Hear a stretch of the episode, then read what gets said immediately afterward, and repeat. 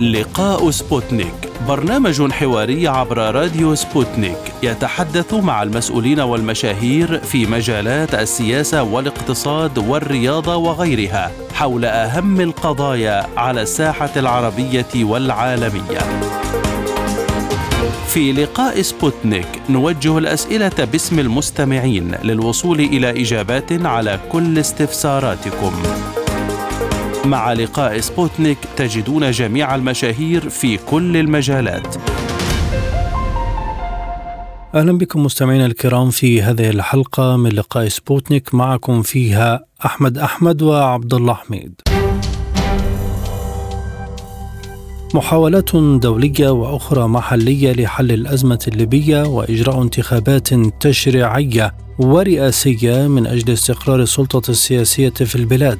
آخر هذه المحاولات جاء في مبادرة للمبعوث الأممي إلى ليبيا عبد الله بتيلي الذي اقترح خلال جلسة لمجلس الأمن تشكيل لجنة رافعة المستوى تضم القادة السياسيين وزعماء القبائل للقيام بوضع الأسس الدستورية والقانونية لإجراء الانتخابات الليبية هذا العام. المبادرة وجدت معارضة كبيرة بمجرد طرحها كما تلقى بتيلي الكثير من الاتهامات بعدم الحياد ومحاولة الوصاية على الليبيين. أول أشكال الرفض جاءت من هيئة رئاسة مجلس النواب الليبي وحكومة فتح بشاغة اللذان أكدا رفضهما للمبادرة التي طرحها مبعوث الأمم المتحدة. وقال البرلمان الليبي في بيان له أن إحاطة المبعوث الأممي تضمنت مغالطات بشأن إخفاق مجلسي النواب والدولة في إقرار القاعدة الدستورية معتبرا ذلك تناقضا مع فقرات في الإحاطة نفسها أقرت بصدور التعديل الدستوري الذي جرى بالتشاور مع مجلس الدولة وهو ما عبر عنه رئيس المجلس الأعلى للدولة لافتا إلى أن الدعوة إلى تشكيل لجنة حوار هي من اختصاصاته مع المجلس الأعلى للدولة. لمناقشة الأوضاع في ليبيا ومبادرة المبعوث الأمم المتحدة ينضم إلينا عضو مجلس النواب الليبي السيد إسماعيل الشريف. أهلا بك سيد إسماعيل. بداية يعني خلافات بين مجلس النواب ومجلس الدولة بشأن القواعد الدستورية للانتخابات منذ فترة طويلة. لماذا دائما يعني هناك خلافات بدون حل؟ ليست خلافات وفي هناك فرق بين الخلافات أو الاختلاف الرأي. لكل زاويته يرى المشهد من زاويته ويرى في المسألة الدستورية من جهة أيضا أخرى خاصة وأن لكل مؤسسة من هذه المؤسسات توجهات سياسية واضحة في العالم وللشعب الليبي يعني سواء على المستوى الدولي أو المحلي. كل مؤسسة من هذه المؤسسات لها توجهات المعلومة أو المعروفة. فبالتالي المجلسين هم قد لا يمثلوا أنفسهم أو يمثلوا هذه المؤسسات بحذافيرها بل يمثلوا التيارات الداعمة لهم والتيارات التي يمثلونها. فمجلس النواب باعتباره السلطة التشريعية الوحيده في البلاد ومجلس الأمة قام ما ما بوسعة وقد في عديد المرات قد ساهم وتنازل في كثير من الأمور وقدم المقترحات في مجلس الدولة ولم يرد في أكثر من في أكثر من مرة. أو حتى إذا كان تمت الموافقة من مجلس الدولة ينقص ويعود مجددا للرفض. فهذه المساله يعني نحن نقدر المسألة التي فيها مجلس الدولة خاصة عليه ضغوط كبيرة جدا وممكن تابعته خلال الأسبوعين الماضيين بعض الإشكاليات التي حصلت في المصادقة أو تمرير التعديل الدستوري الثالث عشر. هذا واضح يعني منع أعضاء مجلس الدولة من الدخول للقاعه وعدم اعطاء النصاب وهذه المسائل وبعض الرسائل النصية اللي تأتيهم على الهواتف. وما هي نقاط الخلاف بين المجلسين وهل يمكن تعديل ما يرغب به مجلس الدولة؟ كل ما تم كل ما تم في هذا الصدد كل ما تم في هذا الصدد تم التوافق عليه في المسار الدستوري التي استضافتها جمهورية مصر العربية برعاية البعثة الأممية. كل ما تضمن هذا التعديل الثالث عشر كله موجود. النقاط التي لم يتم الاتفاق عليها أجرت للقوانين. يعني القوانين ستستند في تأسيسها ومرجعيتها إلى التعديل الثالث عشر ثم تنطلق هذه القوانين لتفصيل الأمور. يعني كان الأمر في شروط الترشح لرئاسة الدولة. فهذه النقاط الخلافية ولا لا أعتقد أن في هناك خلاف نقاط خلافية أخرى. حتى لو جئنا بمجموعة أخرى لتتشاور في ليبيا من كل التوجهات سيكون هذه نقطة الخلاف اللي موجودة. فإحنا الآن يعني كان في بعض المصطلحات الوسطى أو الوسط بين بين الرأيين وممكن الاستئناس فيها ولكن يبدو لي إن السيد المبعوث الأممي كان له توجه آخر أو ضغوط دولية أخرى أو ضغوط لا نعلم بها نحن. ف يعني حتى في احاطته لم يشد بما توصل إليه المجلسين يعني بشكل مباشر.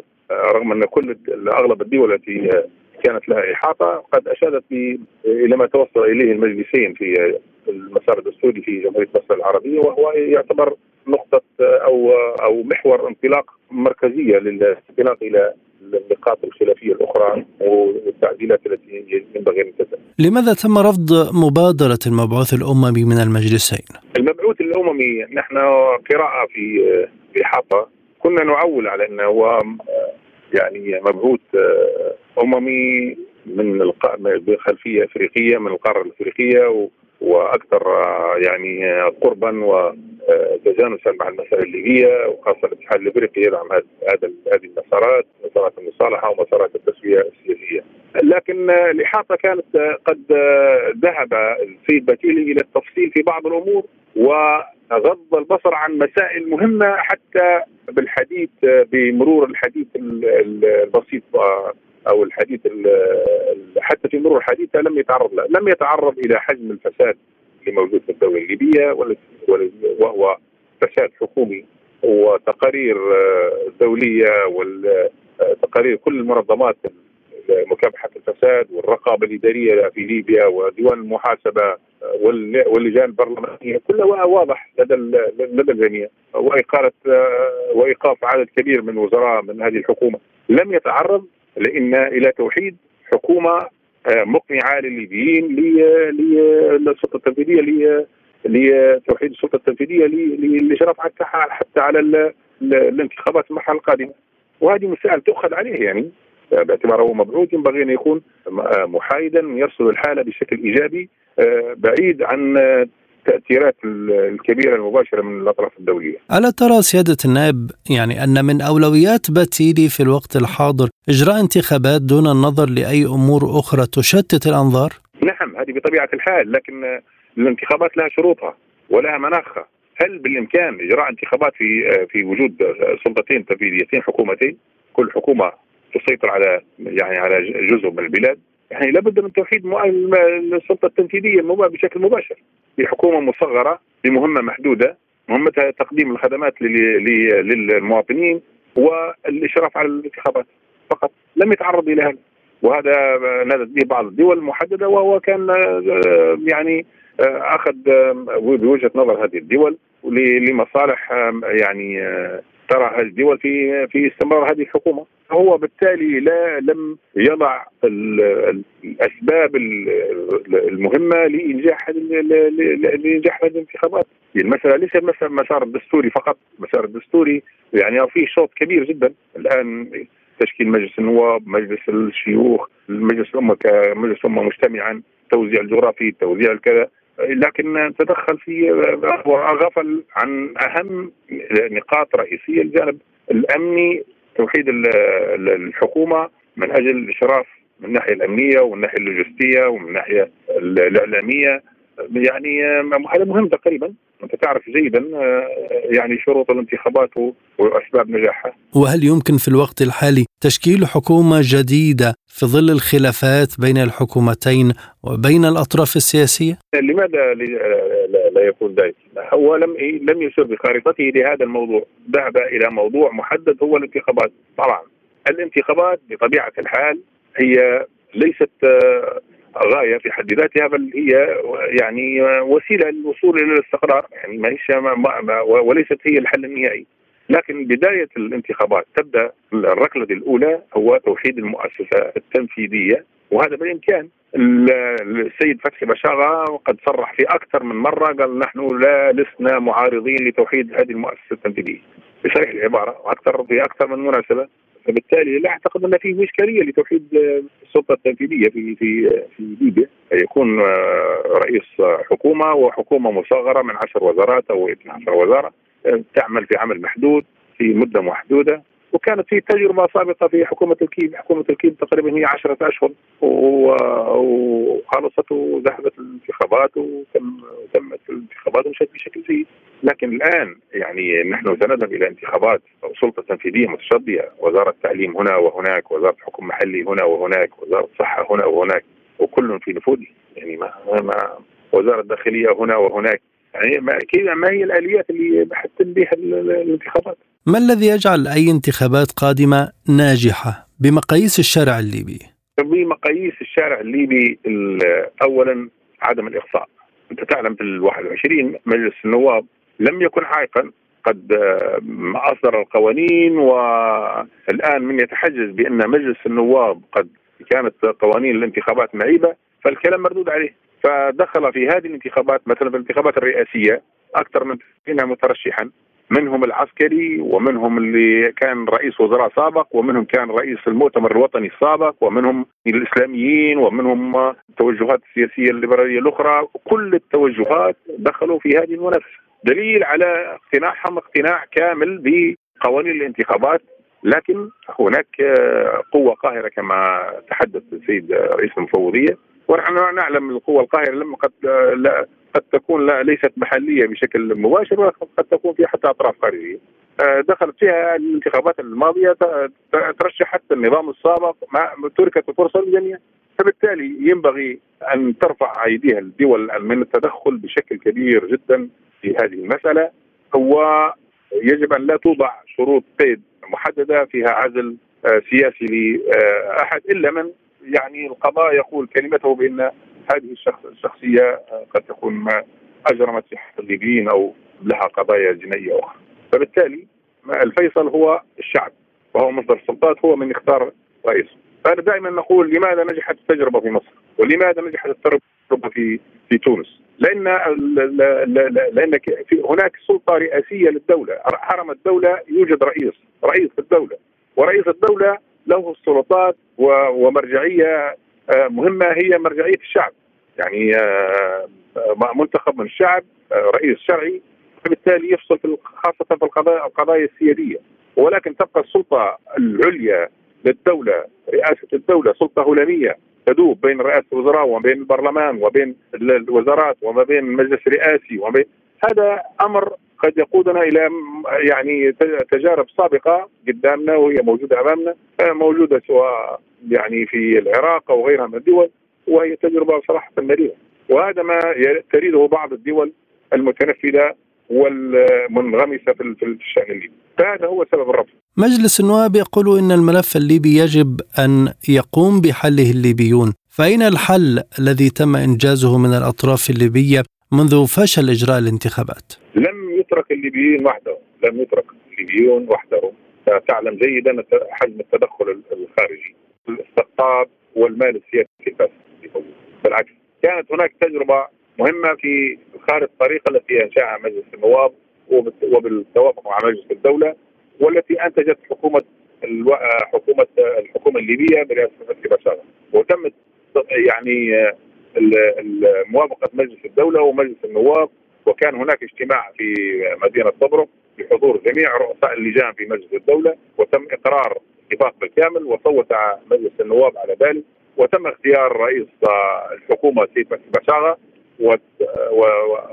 وتم استقباله في طرابلس استقبال كبير جدا من كل الأطراف السياسية ورحب مجلس الدولة ومن ثم عندما قام بتشكيل الحكومة وأعلن عن الحكومة تحركت جهات أخرى دولية وبعض الجهات التابعة لها المتنفذة المحلية من أن أجهض هذا الاتفاق الليبي الليبي اذا الليبيين ليس ليسوا بحجم كبير جدا عن بعضهم البعض ولكن حجم التدخلات الكبرى بعض الدول في أي إطار اذا جاءت هذه التدخلات؟ هل هي تدخلات تعطل المسارات السياسية؟ نعم هي طبعا هو خاصة فيما يتعلق بالجانب الأمني والجانب كذا فبيؤثر بتأثير مباشر آه، على على على المسار المسارات السياسية في ضغوط هناك ضغوط. آه، وأيضا ليس بمصلحه حكومه الوحدة الوطنية برئاسة عبد الحميد البيده إجراء اي انتخابات فحتى يعني كل الحراك الداعم للرفض بعقد جلسة لمجلس الدولة يعني هم كانوا ضالعين فيه فترة سابقة. و واستمرار هذه الحالة يعني موجود استقطاب كبير جدا. فهؤلاء مدعومين. وكما تعلم أن الآن ما زي ما يعني هذه الحكومة قد فقدت شرعيتها ومشروعيتها وحتى قبولها من بعض التصرفات المحلية وفرطت حتى في السيادة. سواء على كل الاصعده فبالتالي نحن بحاجة إلى حكومة موثوقة آه، يثق فيها الليبيين لانجاح هذه الانتخابات، تعلم أن الانتخابات هي جزء من إفشال هذه الانتخابات. هو رئيس هذه الحكومة عندما دخل كمترشح ورغم توقيعها وتعهده أمام الليبيين وعلى الملا بأنه لن يترشح وفق شروط آه، دخول آه، في في الحوار آه، حوار جنيف لدخول المنافسه في منافسة الرئاسة وتحصل على قائمة بتاعها نجحت لتكون ليكون هو رئيس الحكومة. هذا هذه أسباب تقريبا ساطعه ما كسطوع الشمس لا تحتاج إلى توضيح ولا تحتاج إلى تصريح من سياسي. بحديثكم عن الجانب الأمني، ما الذي يعطل أي عمل فيه؟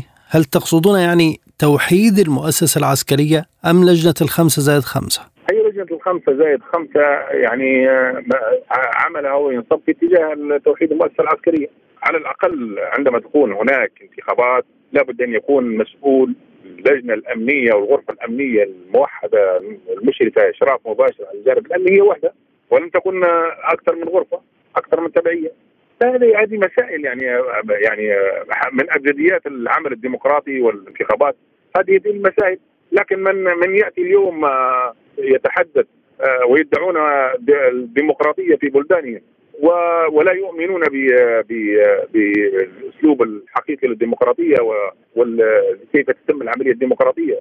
هذا جانب أعتقد إن في شيء من القراءات المزدوجه والتعامل المزدوج يتعاملوا في أوطانهم بشكل وفي البلدان الأخرى بأشكال أخرى وفقا لمصالحهم وعدم تقدير مصلحة الدول الأخرى. فبالتالي إحنا نحن لسنا بمنع عن هذا العالم. نحن جزء من هذا العالم. والمصلحة المشتركة بين كل مع كل الدول الأخرى مع ليبيا هي مصالح مقدرة والسياسات لا تقام على المصالح المتبادلة. ولكن آه، يبدو لي إن بعض الدول لا ترى في ذلك بعين الحقيقة. فترى ان تأخذ مصالحها وأن آه، تحجب مصالح بعض الدول الأخرى التي لها حق أيضا في مع الدولة الليبية أن تكون في هناك مصالح مشتركة. فهذا الانقسام الدولي ألقى بظلالة بشكل كبير جدا على المسألة الليبية. فالانقسام آه، سواء كان الآن في صراع في أوكرانيا ولا في الصراع الداير بين الدول الاقتصادية الكبرى على الصراع في أفريقيا أو في كل في كل ما يدور في العالم ولو في الشرق الأوسط فبالتالي ألقى بظلاله بشكل مباشر على يعني الصراع داخل ليبيا والملف الليبي أصبح دخل في مساومة هذه الدول. هذا التأثير كان له دور كبير على الجانب الأمني في ليبيا وتبني بعض المجموعات المسلحة مقابل بعض الدول. اذا كيف للليبيين أن يلفتوا أنظار العالم مجددا في ظل التحولات السياسية والأمنية دوليا؟ نحن نحن يعني ليست لدينا علاقة كليبيين بالصراع الدائر بين هذه الدول العظمى والدول الكبرى أو حتى الدول الأقليم، نحن ما يجمعنا معهم هي المصلحة المشتركة، فيجب أن نحن نقدر مصالح كل الدول المشتركة سواء كانت على صعيد أمن قومي لهذه الدول أو على صعيد مصالح مشتركة اقتصادية. فبالتالي نحن نمد يدينا لكل الدول ترعى مصالح الشعب الليبي ومصالح مصلحة الدولة الليبية على نفس الدرجة من رعايتنا نحن لمصالح هذه الدول. فنحن الآن في سيكون لدينا تواصل مع الاتحاد الأفريقي ومع جامعة الدول العربية التي لا زالت عاجزة ومع آه، أيضا الاتحاد الأوروبي ونتحرك في إطارنا أيضا في كبرلمان آه، مع البرلمانات المنظمات البرلمانية سواء كانت العربية والأوروبية ولا الدولية ولا الإفريقية ولدينا مندوبين وإحنا الآن بدأنا من خلال إن شاء الله الجلسة القادمة سيكون لنا برنامج عمل واستراتيجية الآن يجرى إعدادها في هذا في هذا الاتجاه. هل من الممكن الرهان على المستوى الإقليمي والقاري مجددا؟ والله هو دول الجوار ينبغي ان يهمها مصلحة ليبيا أكثر من غيرها. ينبغي ان يكون لها الدور الإيجابي الإيجابي الأكثر وكل ما يعني كل ما ما يمس ليبيا هو سيمسهم بشكل مباشر أو أكثر دول قد تتضرر من المساله الليبيه أو قد تستفيد من استقرار ليبيا. التعويل أيضا حتى هذه الدول هي تحت ضغوط دول أخرى. فنحن الآن نرصد حالة من نحاول نرصد حالة من حالة التقارب في في الدول الاقليميه في الدول الإقليم أو الدول الجوار والمحيط الإقليمي لنا وبالتالي ننطلق إلى على المستوى الدولي، لكن البعثه الامميه في كل مرة الآن تخبرنا ونعلم يعني آه، في ردهات هذه المفاوضات التي تحصل و ولا أريد أن أتحدث أكثر من ذلك. يعني آه، ما دار في جنيف وما دار في غيرها. فبالتالي آه، يعني يجب أن نثق في أنفسنا نحن الليبيين اولا ثم ننطلق إلى إلى محيطنا الإقليمي والدولي. سيادة النائب يعني بالعودة لمبادرة المبعوث الأممي، أليس من حقه تقديم اقتراحات ومبادرات لحل الأزمة في ليبيا؟ من حقه عندما يكون يرصد الحاله بشكل محايد. أنا تقريبا أتحدث لك على بعض النقاط اللي حتى في عندما تسرد عن المسألة الليبية يجب أن تكون لك مرآة كاملة على كل الأطراف السياسية، لكن لم يتعرض لمسألة السلطة التنفيذية نهائيا ولم يتعرض لحجم الفساد رغم التقارير حتى التقارير الأمريكية موجوده يعني كل التقارير الدولية منظمات الفساد المنظمات المهتمة بمكافحة الفساد والاقتصادي والاستقصائي هذه المؤسسات الليبية لم يتعرض إلى ذلك. فما تعرض فقط إلى مسألة إن مجلس النواب آه، التعديل الدستوري آه، مثير للجدل حتى اختيار بعض الألفاظ لم تكن دبلوماسية وسياسية بل غاص أكثر من ذلك. تحدث حتى على بعض التفاصيل أن السلطة التشريعية التي تتشكل من جسمين من من من مجلسين مجلس نواب ومجلس الشيوخ. تحدث على أن تركيبة مجلس الشيوخ هذه قد يعني دخل في تفاصيل لا تعنيه بشكل لا تعني الليبيين لا تعني البعثة بشكل البعثة يجب أن آه، تكون وسيط مهم وترعى تحاول تعزيز الثقة بين الأطراف بهذه بهذا الأسلوب. لكن بهذه بهذه الكيفية نحن صراحة يعني نسجل بعض تحفظنا على ما جاء في في هذه النقاط. أيضا يعني مسألة توسيع الدائرة.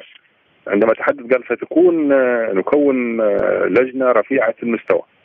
نعم أوكي نحن رفيعة المستوى لكن عندما ذهب إلى ان ستكون ممثلة لقيادات قبلية واطراف سياسية والشباب والمرأة ومؤسسات مجتمع مدني ومؤسسات حزبية ويعني هذا هذا الكم في هذه المساحة الليبية الكبيرة كم سيكون العدد؟ أو سيقع في الخطأ بإقصاء بعض بعض الشخصيات؟ لأن قد توسع كثيرا في في في في تركيبة هذه اللجنة. فبالتالي ستكون اللجنة يعني يا إما تكون صغيرة ولن تمثل كل الأطراف أو ستكون كبيرة آه، جدا وستكون يعني غير مجدية في في التعاطي مثل هذه المسائل السياسية والدستورية. يعني التوسع اللي تحدث فيه توسع كبير جدا. عندما يتكلم عن قيادات قبلية. معناها ليبيا من الشرق إلى الغرب إلى الشمال إلى الجنوب كم سيكون هناك قائد قبل؟ أو ستكون قبائل ممثلة وأخرى غير ممثلة. أيضا ما فيما يتعلق بالمؤسسات المجتمع المدني. مؤسسات المجتمع المدني عدد كبير جدا. يعني هذه مسائل قد تدعو إلى بداية فشل. من البداية كان بالإمكان أن يصغر هذه اللجنة بوضع معايير محددة. يعني رؤساء حكومات سابقين برلمان رؤساء برلمانات أو برلمانات سابقين سياسيين يمثلون القيادات الموجودة للنظام السابق قيادات فبراير تكون محدودة يعني باسماء محدده بشكل محدد لكن هذا ما كلام مطلق.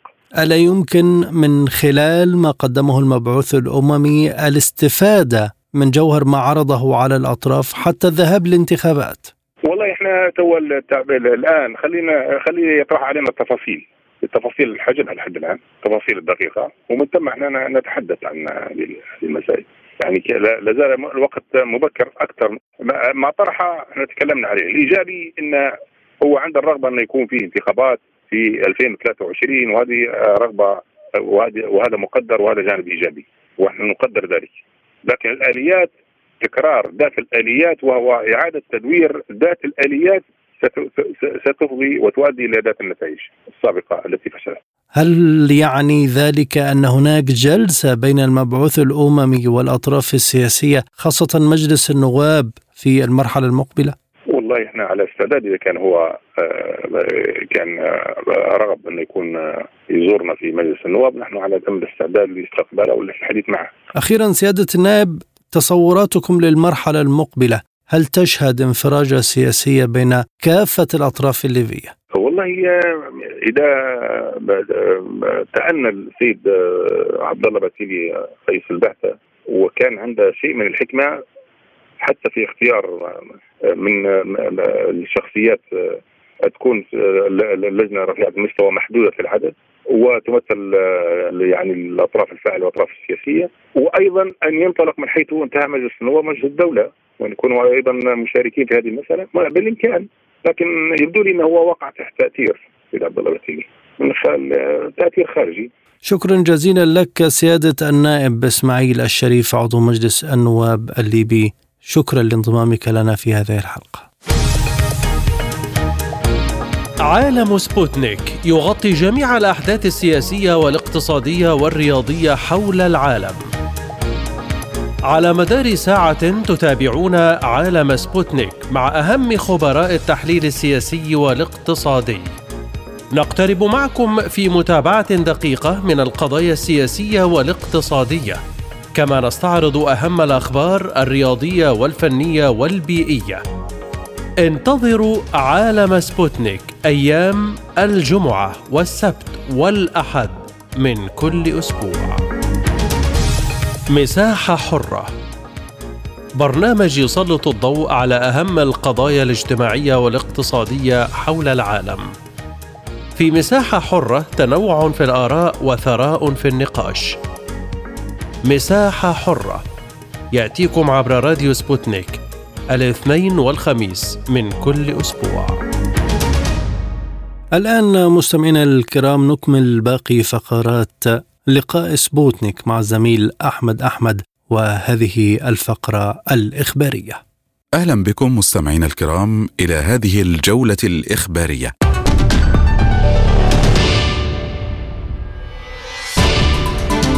أفادت مصادر عسكرية روسية بأن القوات المظلية التابعة للجيش الروسي بدأت في التقدم في بلدة كريمينايا وبدعم من لواء المدرعات في جمهورية لوغانسك الشعبية. وأظهرت مقاطع الفيديو تقدم دبابات تي 90 برو ريف وأنظمة قاذفة للهب الثقيل تقوم بمساعدة القوات العسكرية في التقدم. على الجبهة. وقال قائد عسكري إنه يتم حرق المواقع ومنطقة الدمار 40 ألف متر مربع.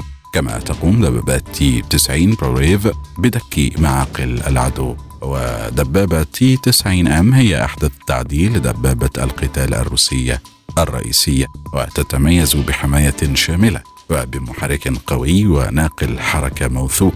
وتصل سرعة الدبابة التي تزن أكثر من 40 طنا بسهولة إلى 70 كيلومترا في الساعة. أعربت المتحدثة الرسمية لوزارة الخارجية الروسية ماريا زخاروفا عن قلق موسكو بشأن البيانات التي تشير إلى أن استفزاز كييف بالمواد المشعة يمكن أن يتم بالقرب من إقليم ترانسنستريا حيث تقوم كييف حاليا بالفعل بتصعيد التوتر هناك وأضافت زخاروفا إنه يجب ألا ينسى أحد أن الموانئ المذكورة في أوكرانيا تشارك في صفقة الحبوب والسؤال الذي يطرح نفسه هنا هل هذه الموانئ والممر الإنساني بشكل عام تستخدم لغرض آخر؟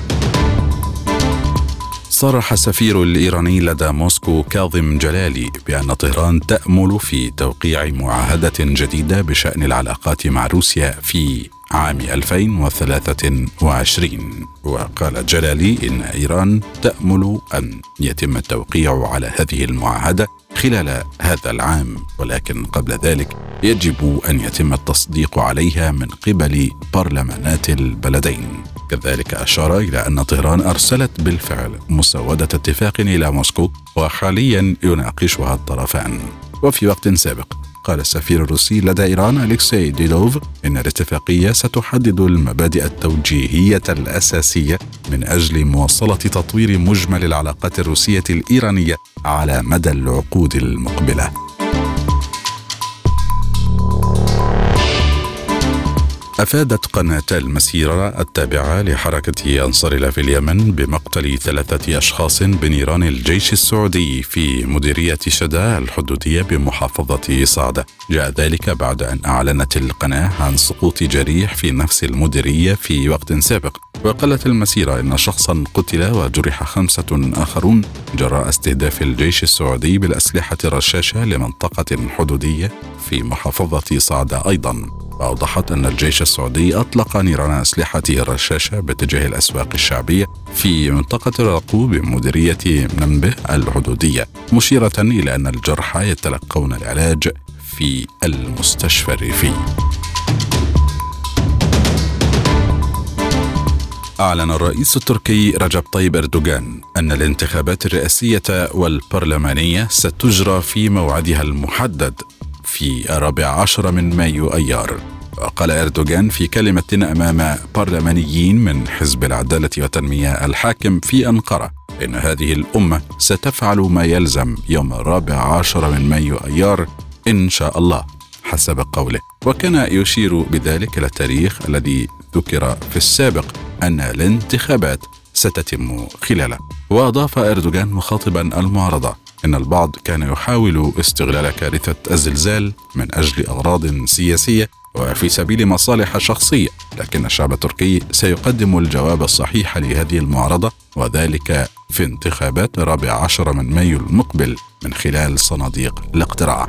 وكان من المقرر إجراء الانتخابات في يونيو حزيران المقبل وهو الموعد الأصلي قبل أن يتم تقديمها إلى مايو أيار تجنبا للعطلات في يونيو حزيران لكن الزلزال خلط حسابات الحكومة.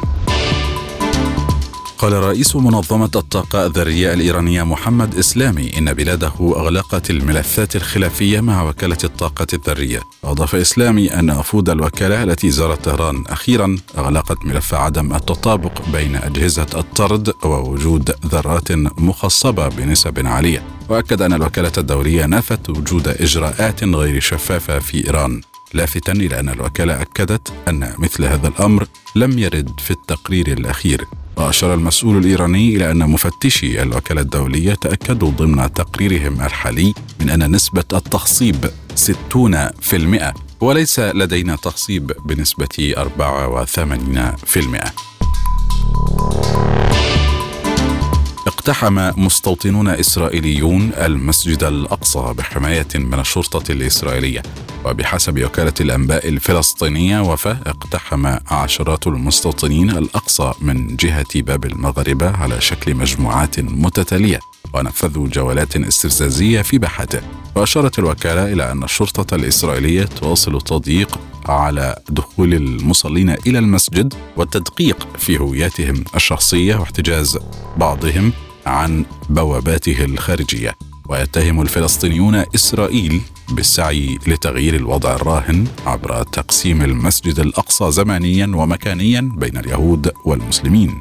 وبدات إسرائيل في السماح للمستوطنين اليهود بتنفيذ اقتحامات للأقصى منذ عام 2003 أغلق متظاهرون إسرائيليون طرقا ومحطات قطارات احتجاجا على مشروع قانون تعديلات قضائية تسعى الحكومة إلى إقراره. فيما توعد وزير الأمن الداخلي إتمار بن كفير المحتجين وأمر الشرطة بالتدخل لفتح الحركة. وخرج المتظاهرون إلى الشوارع في تظاهرات يوم العرقلة فيما تجتمع لجنة الدستور والعدالة والقانون في البرلمان الإسرائيلي لتمرير الجزء الثاني من التعديلات القضائية التي تشمل بنودا تسمح للحكومة بتجاوز أحكام المحكمة العليا بتصويت أغلبية تصل إلى 61 صوتا في الكنيسة الإسرائيلي وفق ما ذكرته صحيفة جيروسلم بوست الإسرائيلية. ومن المقرر أن تمنح لجنة الدستور والعدالة والقانون موافقة مبدئية على المزيد من المقترحات المتضمنة في خطة التعديلات القضائية. أعلنت القوات المسلحة المصرية إحباط عملية تهريب كبرى في محافظة جنوب سيناء ما أدى إلى مقتل ضابط وإصابة ضابط آخر ومجند وقال بيان الجيش المصري انه في إطار الجهود المتواصلة التي تقوم بها القوات المسلحة في مجابهة أعمال التهريب على كافة الاتجاهات الاستراتيجية للدولة. نجحت قوات حرس الحدود بجنوب سيناء في إحباط محاولة لتهريب كمية كبيرة من المواد المخدرة. وأشار البيان إلى أن ذلك جرى أثناء مرور إحدى الدوريات التي تقوم بتنفيذ مهام التمشيط لعدد من المحاور والطرق التي تم الاشتباه بإحدى العربات وخلال الاقتراب منها لفحصها تم إطلاق نيران باتجاه الدورية ما أدى إلى التعامل معها. وأسفر الاشتباك عن مصرع أحد المهربين واستشهاد ضابط وإصابة ضابط وجندي.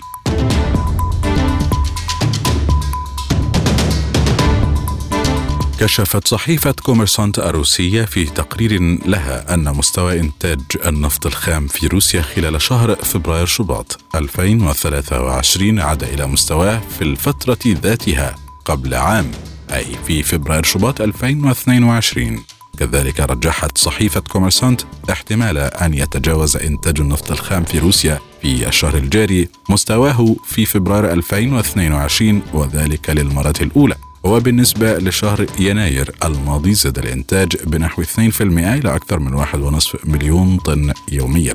وقد نقلت الصحيفة عن مصادر أن إنتاج روسيا من النفط والمكثفات لروسيا بلغ الشهر الجاري 1.5 مليون طن يوميا. وأشارت الصحيفة إلى أن المنتجين يرفعون إنتاجهم النفطي قبل خفض طوعي بواقع 500 ألف برميل يوميا سيتم تنفيذه في مارس أذار الحالي كانت قد أعلنت عنه الحكومة الروسية قبل أسابيع. أشار السفير الإيراني لدى موسكو كاظم جلالي إلى إمكانية إطلاق مشروع مشترك لصناعة السيارات مع روسيا وذلك إلى جانب تصدير السيارات الإيرانية إلى السوق الروسية. ومؤخرا أعلنت وزارة الصناعة والمناجم والتجارة الإيرانية أن شركتي صناعة سيارات إيرانيتين رئيسيتين إيران خضرور وسيبة تحصلان حاليا على ترخيص في روسيا لتصدير السيارات إليها مستقبلا. قال المتحدث باسم وزارة الصناعة والمناجم والتجارة الإيرانية أميد قريباف إن سايبا وقعت عقدا مع شركة بيلاروسية لتوريد 45 ألف سيارة كذلك إلى السوق الروسية. وقعت موسكو وطيران في نوفمبر تشرين الثاني الماضي مذكرة تفاهم لتصدير سيارات إيرانية إلى روسيا بقيمة 300 مليون دولار كما ناقش البلدان شروط الإنتاج المشترك للسيارات. تنامى نشاط المصانع في أنحاء الصين في فبراير شباط 2023 مع انتعاش الاقتصاد في أعقاب إلغاء القيود المتعلقة بمكافحة كورونا ديسمبر الماضي بعدما أجبر ملايين الصينيين على البقاء داخل منازلهم. وانتعشت مؤشرات مديري المشتريات الصناعية الصادرة عن الاتحاد الصيني الرسمي للوجستيات والمشتريات. انتعشت وزادت إلى مستويات تظهر نمو النشاط. كما ارتفعت مؤشرات الإنتاج والصادرات والطلبيات الجديدة. وقد جاء ذلك في أعقاب تراجع النشاط الذي أدى إلى انخفاض النمو الاقتصادي العام الماضي إلى 3% في ثاني أدنى مستوى له منذ سبعينيات القرن الماضي. كما أشارت التقارير إلى أن هذا هو التحسن الأول منذ سبعة أشهر والثاني منذ نحو 21 شهرا.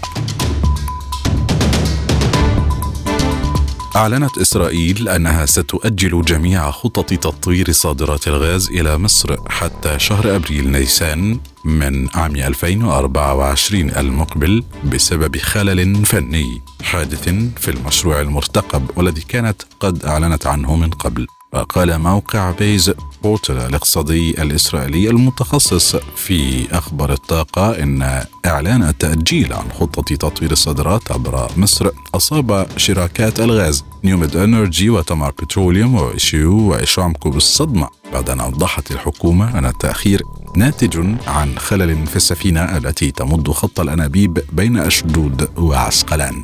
ذكر الموقع الإخباري الإسرائيلي أنه في غضون ذلك ستستمر الشركات في التصدير من خلال البنية التحتية الحالية عبر الأردن أوضحت شركة الغاز الإسرائيلي أن الأعطال في أعمال البنية التحتية السبب الرئيس في تعطيل خطة التطوير ولذلك سيتم تأجيل تصدير الغاز في خط الأنابيب والذي من شأنه أن يسمح بتقصير المدة الزمنية لتصدير الغاز حيث كان من المقرر أن يمر مباشرة عبر مصر وليس عبر الأردن.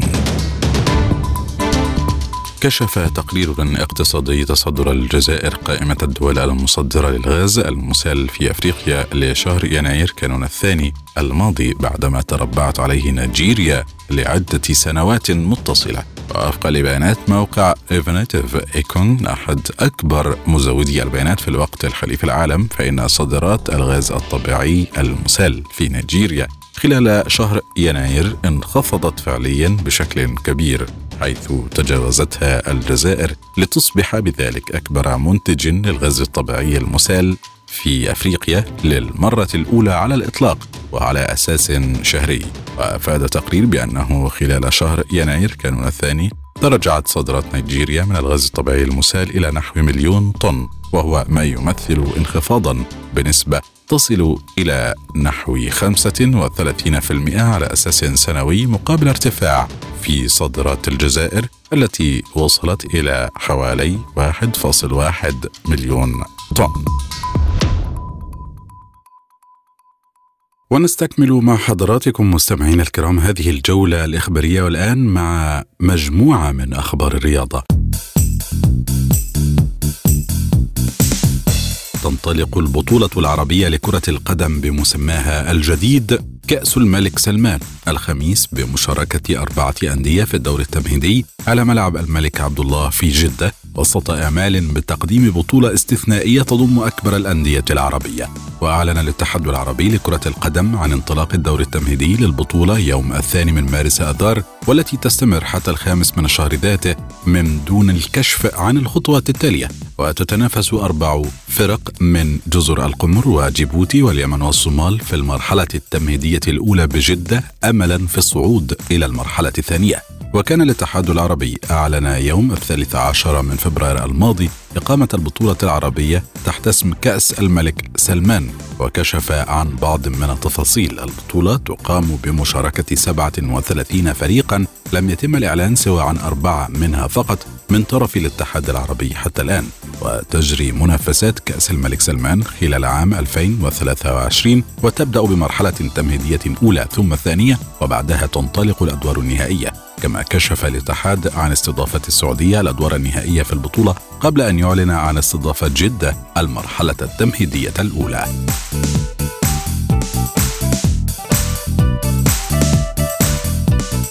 كشفت تقارير صحفية بريطانية أن خطة بيع نادي مانشستر يونايتد الإنجليزي قد تتأخر حتى مايو أيار المقبل حيث تنتظر عائلة جليزرز المالكة عرضا أفضل أدين أن عائلة جليزرز تريد عرضا لا يقل عن ستة مليارات جنيه استرليني بعد عرضين أحدهما قطري والآخر من الملياردير البريطاني جيم راتكليف بحد أقصى 4.5 مليار جنيه استرليني. وهذا يعني أن بيع النادي الذي فاز بأول لقب له منذ ست سنوات بتتويجه بكأس رابطة الأندية الإنجليزية قد لا يتم قبل مايو أيار المقبل على أقرب تقدير. وأشارت الجارديان إلى أن ثمة تردد بين الأشقاء الستة في عائلة جليزرز لأن لكل منهم وجهة نظره الخاصة بشأن أي عملية للاستحواذ لكن البيع ظل قيد النظر الجاد من قبل الأسرة ككل. وكان العرض القطري هو الأول مع حلول الموعد النهائي المرن في السابع عشر من فبراير شباط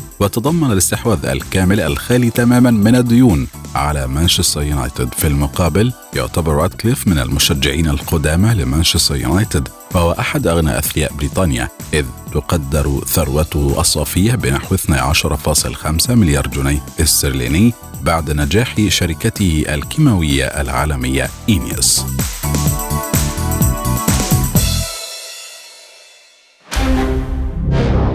مستمعينا الكرام أنتم الآن تستمعون إلى حلقة جديدة من برنامج لقاء سبوتنيك مستمعينا الكرام عودة مرة أخرى إلى فقرات هذه الحلقة من برنامج لقاء سبوتنيك وفي الملف الليبي.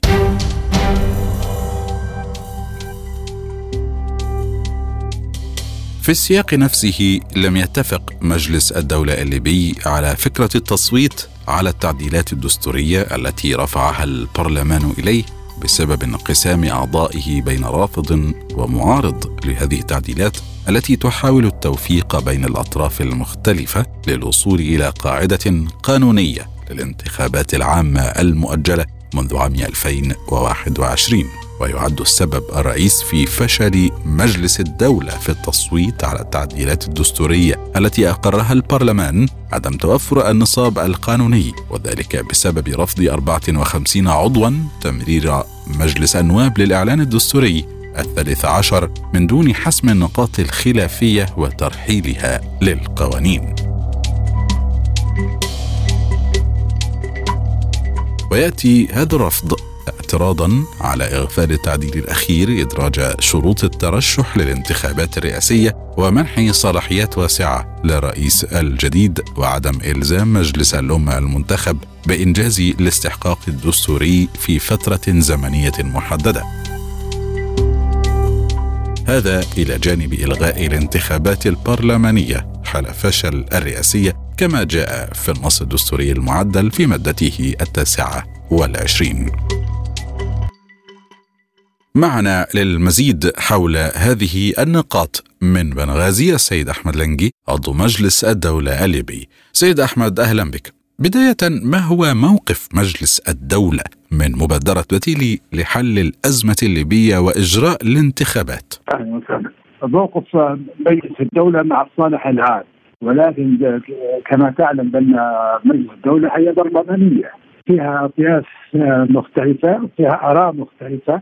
والموضوع زال معلق معلق في معنى هناك من يؤيد ما ذهب إليه بتي وهناك من يريد الاستناد إلى إلى إلى الإعلان الدستوري المعدل رقم 13 ولا يريد تدخل أجنبي في في القرار السيادي فيه.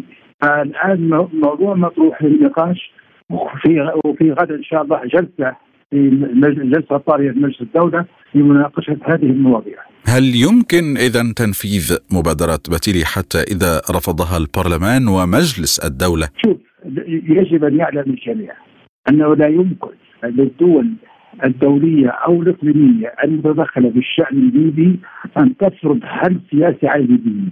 هذا شيء مؤكد حتى وإن حاولوا ذلك فلن تنجح مقترحات بتيلي ابدا على الإطلاق في في استقرار الأمن السياسي في ليبيا. هل تعتبرون أن هذه المبادرة جاءت بإيعاز خارجي وينفذها المبعوث الأممي؟ لا شك في ذلك، هو في مبعوث نبي عام وهناك دول كثيرة متدخلة في الشأن الليبي فبكل تأكيد هذا تأثير على السيد بتيل بكل تأكيد يعني في شك في ذلك.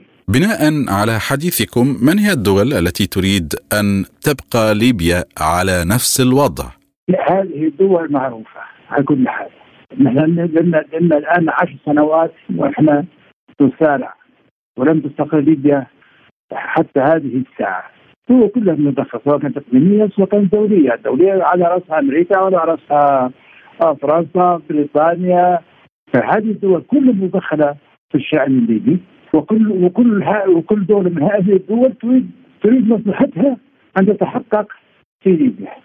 شك في ذلك. دون أي يعني عناية أو اهتمام بمصالح الليبيين هذه الدول كلها الخارجيه المتدخله تبحث عن مصالحها الاقتصادية والأمنية والسياسية في ليبيا. نعم ولكن الأطراف الليبية ليست هي المتسبب الأول في كل الخطوات السابقة التي تعثرت. نعم نعم لا شك في ذلك أبدا. ما نحن فيه من بلاء نتيجة تخاذل السياسيين الليبيين وتسليمهم للقرار السيادي الليبي لدول أجنبية. نعم ما شك بذلك ما حد ينقل ذلك. ساهموا المنهوب المجلس السياسي في هذا في هذا الضعف القرار السيادي الوطني. وبشكل شخصي سيدي هل أنتم مع ما قدمه المبعوث الأممي أم لا؟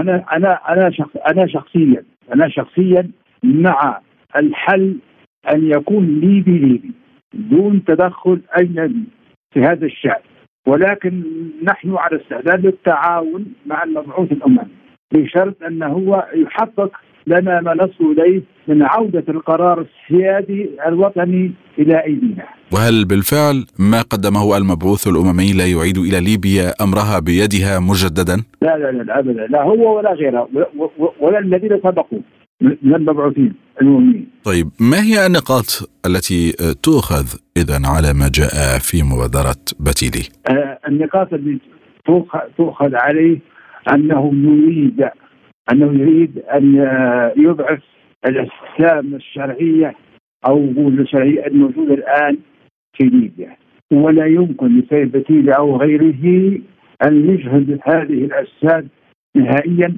ويختار هو من من يختار هو مجلس ثاني جديد نسميه لجنة الأربعين يتحد محل المجلسين ولتنشئ قائد دستورية وقول الانتخابات هذا خطأ كبير وقع فيه. كذلك لماذا فشل مجلس الدولة في التصويت على التعديل الدستوري الذي أقره البرلمان؟ نعم كما سبق وذكرت حضرتك نحن هيئة برلمانية آه النقاش فيها مفتوح. الآراء فيها مفتوحة. وهناك من يرى أن في في في التعديل الثالث عشر الذي أقره مجلس النواب لا يخدم مصالح ليبيا لأنه بحسب رأيي لم يضع شروط الانتخابات الرئاسية والتشريعية.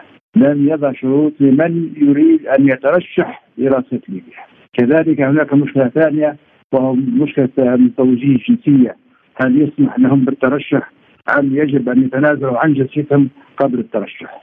فهذه نقطتين أساسيتين في هذا الموضوع في هذا الخلاف. وهل هذا الخلاف سيبقى إلى أمد بعيد أم يمكن حله بشكل من الأشكال؟ لا هو ممكن أن يحل بالشكل ذلك. هناك رغبة صادقة في السياسيين الليبيين سواء كان في المشهد السياسي أو خارج المشهد السياسي أن لديهم رغبة أن كفى كفى فوضى وكفى تشرذم وانقسامات فهناك يعني كثير من السياسيين أهل الحكمة وأهل العقل يريدون يجمع الليبيين ويجمع شمل في الشكل ذلك ممكن يأخذ وقت لكن هذه النهاية ستكون نهايه تعود بنا إن شاء الله افضل مما كانت عليه. لكن ألا تغني مبادرة المبعوث الأممي عن كل هذه الخيارات بين المجلسين؟ ما صدق قلت لك قلت لك ولا يمكن مستحيل صعبة جدا خلاص. ولا يمكن للبتيلي بهذا الطرح أنه سينجح. أساسا بتيلي وغيرها من الدول الدولية والإقليمية قالوا لنا في, في عدة مرات أن المجتمع الدولي لن يعارض أي اتفاق ليبي ليبي أراده أراده الليبيون بشكل ذلك.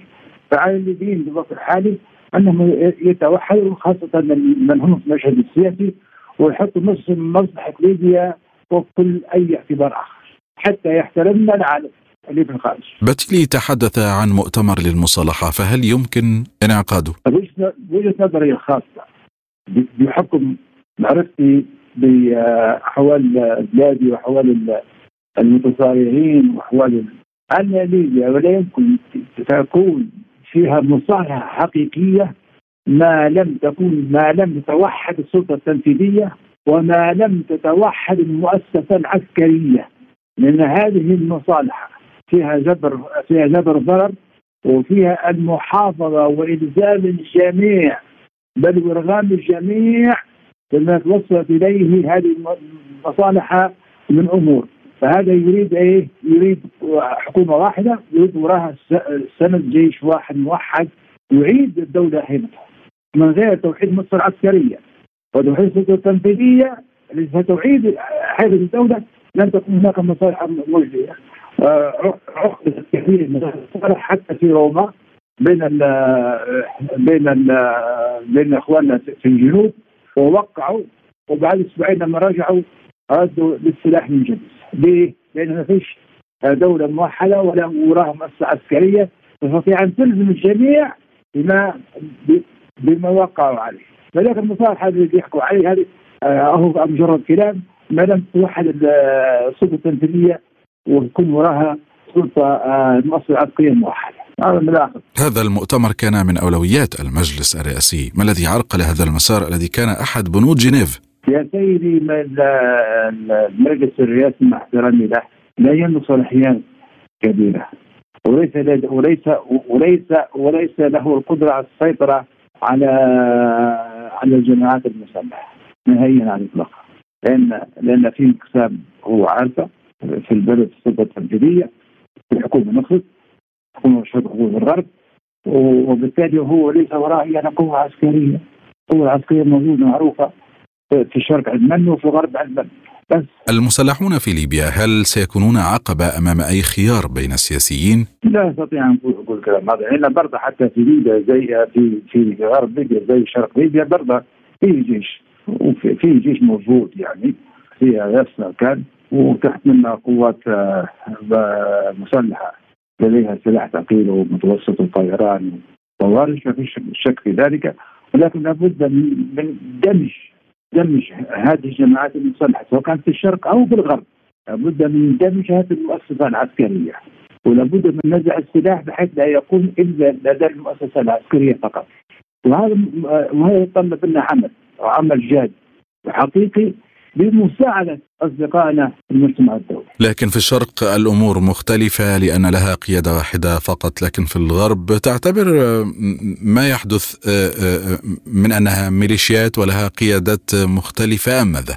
نعم نعم هذه حقيقة بالشكل ذلك. بس بس على كل حال برضه هناك يعني يعني هناك برضه أيضا جماعات مسلحة في غرب ليبيا يعني لو اجتمعت آه، تكون تكون حقيقة هو المؤسسه العسكرية آه، في ليبيا كلها. ما في شك في ذلك. حدودنا صعبة. ظروفنا صعبة. ومرينا بتفكك وتشرذم ومرينا بإلغاء المؤسسة العسكرية وحلت محلها جماعات مسلحة سواء كانت محلية. أو خارجية من ضمن بنود مبادرة بتيلي تشكيل لجنة جديدة هل تكون على غرار لجنة ال 75؟ تقريبا تقريبا شبيه شبيه ب 75 بس الظروف اللي اللي خلت لجنة 75 الظروف العملية والسياسية تختلف عن التشكيلة الجديدة اللي حيشكلها السيد بتيلي الآن في ذلك وما هي تصوراتكم للمرحلة المقبلة؟ ماذا أقول لك؟ الحقيقة ما ما لم تتقارب وجهات النظر السياسيين المجلس السياسي ويصل إلى تفاهمات وتوافقات فان الأمر صعب سيكون صعب. كذلك ما الذي يجعل هذه الخلافات القائمة تتلاشى بين الأطراف كافة في ليبيا؟ والله شوف هو الحقيقة لو القادة السياسيين في ليبيا سواء كان المجلس السياسي أو خارج المشهد السياسي يعني سواء كان في السلطة أو خارج السلطة. تكاتفهم مع بعض سيجعل العالم الخارجي يحترمها ومشكلتنا نحن أيضا ليس في الداخل فقط بل أيضا بتعارض المصالح الدولية والإقليمية في ليبيا داخل ليبيا ما في شك في ذلك. ان هذا التدخل الأجنبي في ليبيا سواء اقليمي أو دولي أثر تأثير كبير جدا بعدم وصول شخص آه، قاده السياسيين والعسكريين في ليبيا إلى توحيد وجهه نظرها. مستمعينا الكرام في ختام هذا اللقاء شكرا جزيلا نقدمه إلى السيد أحمد لينجي عضو مجلس الدولة الليبي. والآن مستمعينا الكرام نكون قد وصلنا وإياكم إلى خاتمة هذه الحلقة من برنامج لقاء سبوتنيك. كنا معكم في التقديم عبد الله حميد وأحمد أحمد. شكرا وإلى اللقاء.